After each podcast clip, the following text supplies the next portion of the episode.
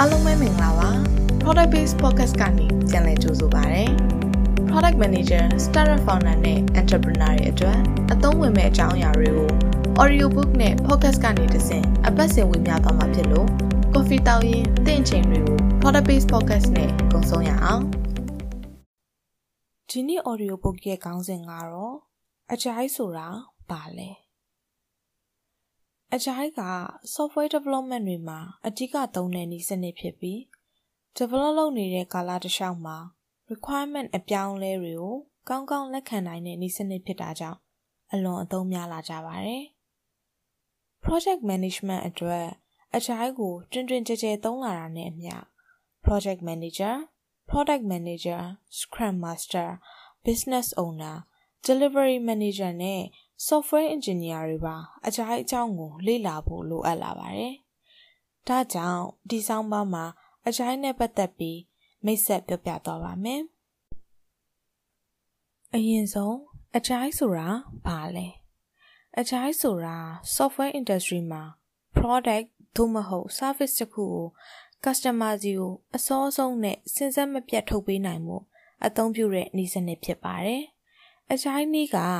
မြန်ဆန်ပေါ်ပါပြီးအပြောင်းလဲတွေကိုလိုက်လျောညီထွေလက်ခံနိုင်တဲ့နည်းစနစ်ဖြစ်တာကြောင့်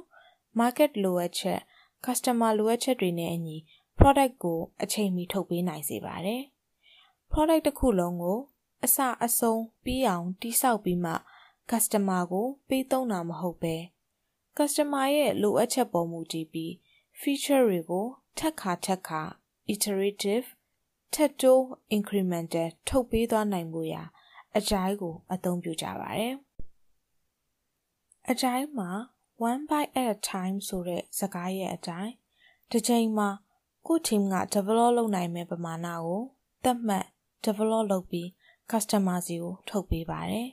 ။အရင်က software development တွေအတွက်အစင်လာအတိုင်း waterfall model ကိုလက်ခံသုံးစွဲခဲ့ကြပါတယ်။အခုနောက်ပိုင်းတော့ပေါ်ပါမြန်ဆန်ပြီးပြင်လွယ်ပြောင်းလွယ်ရှိတဲ့အကြိုင်းနည်းကို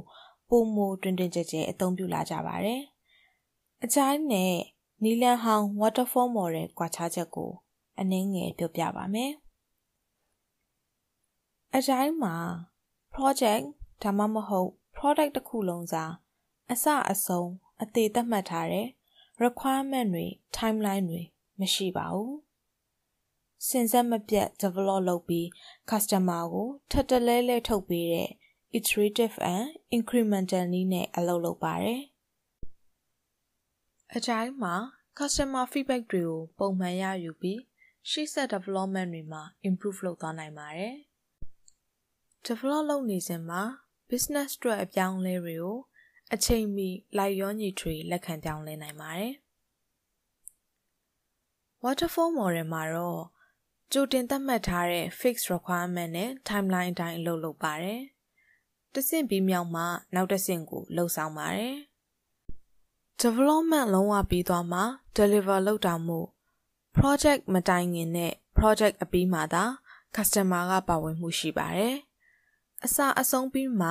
customer feedback ကိုရတာဖြစ်ပါတယ်။ project ကိုစလိုက်ပြီးတာနဲ့လမ်းတစ်ဝက်မှာ requirement အပြောင်းလဲဖြစ်ရင် ပြင်လို့မလွယ်တာကြောင့် timeline တစ်ခုလုံးကိုအကျိုးသက်ရောက်မှုရှိပါတယ်။ waterfall မှာအချိန်ယူ develop လုပ်ပြီးမှ market နဲ့ customer ရဲ့လိုအပ်ချက်နဲ့မကိုက်ညီခဲ့ဘူးဆိုရင် business အတွက်ဆုံးရှုံးမှုများပါတယ်။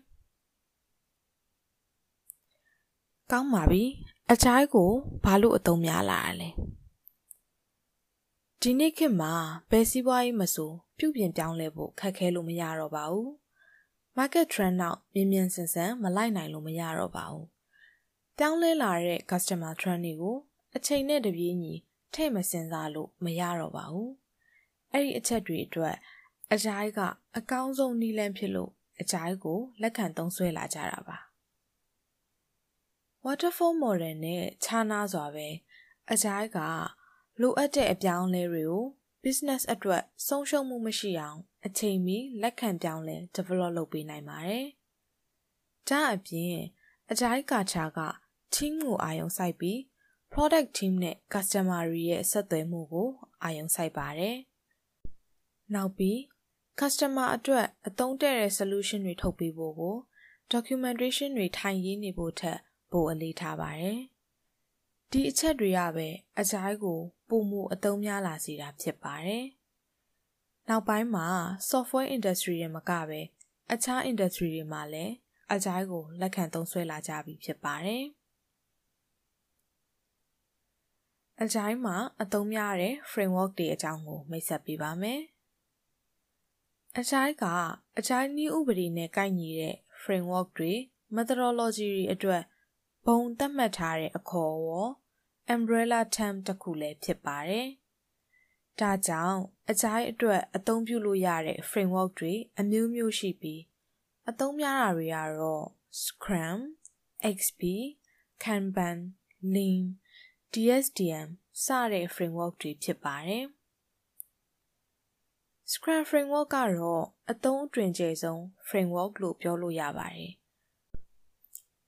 မြန်မာနိုင်ငံမှာလည်းအကြိုင်းကို Scrum နဲ့အသုံးပြုတဲ့ organization တွေများစွာတွေ့ရပါတယ်။ Scrum framework အကြောင်းကိုတော့နောက်ထပ်ဆောင်းပါးတစ်ပုဒ်မှာအသေးစိတ်ပြောပြပါမယ်။နောက်ဆုံးအနေနဲ့ဖြည့်ဆွက်ပြောချင်တာကအကြိုင်းကို Scrum, Kanban စသဖြင့်ဘယ် process framework နဲ့ပဲသုံးသုံးအကြိုင်း manifesto မှာပါတဲ့ဤဥပဒေတွေကိုလိုက်နာလှုပ်ဆောင်ဖို့လိုအပ်ပါတယ်။မဟုတ်ရင် Scrum သုံးနေုံနဲ့လည်းအကြိုင်းမဖြစ်ပါဘူး။ကျွန်တော်တို့ကိုယ်တိုင်လည်း waterfall နဲ့အသားကျနေတဲ့ organization တွေမှာမပြည့်စုံတဲ့ထော်ကြိုးအကြိုင်းတွေခြေတချောင်းထောက် Scrum တွေ run ခဲ့မှုတဲ့အတွေ့အကြုံတွေရှိတာကြောင့်အကြိုင်းရဲ့ကောင်းကျိုးတွေ မိမိ product မှာများများရဖို့တက်နိုင်သလောက်အကြိုင်းကြီးကြတဲ့နာကိုတတိထားဖို့အကြံပြုပါရစေ။အကြိုင်းနည်းဥပဒေ12ချက်ကိုတော့အကြိုင်း manifesto website မှာလေ့လာနိုင်ပါတယ်။ဒါကတော့အကြိုင်းအကြောင်းကိုမိတ်ဆက်ပေးပြပြသွားတာဖြစ်ပါတယ်။နောက်ထပ်သိချင်တဲ့ topic တွေရှိရင်လည်း product base မှာ request လုပ်နိုင်ပါတယ်။ product base မှာ product အချင်းချင်း idea တွေ knowledge တွေနဲ့ experience တွေ share ဖို့နွေးနွေးထွေးထွေးဖိတ်ခေါ်ပါတယ်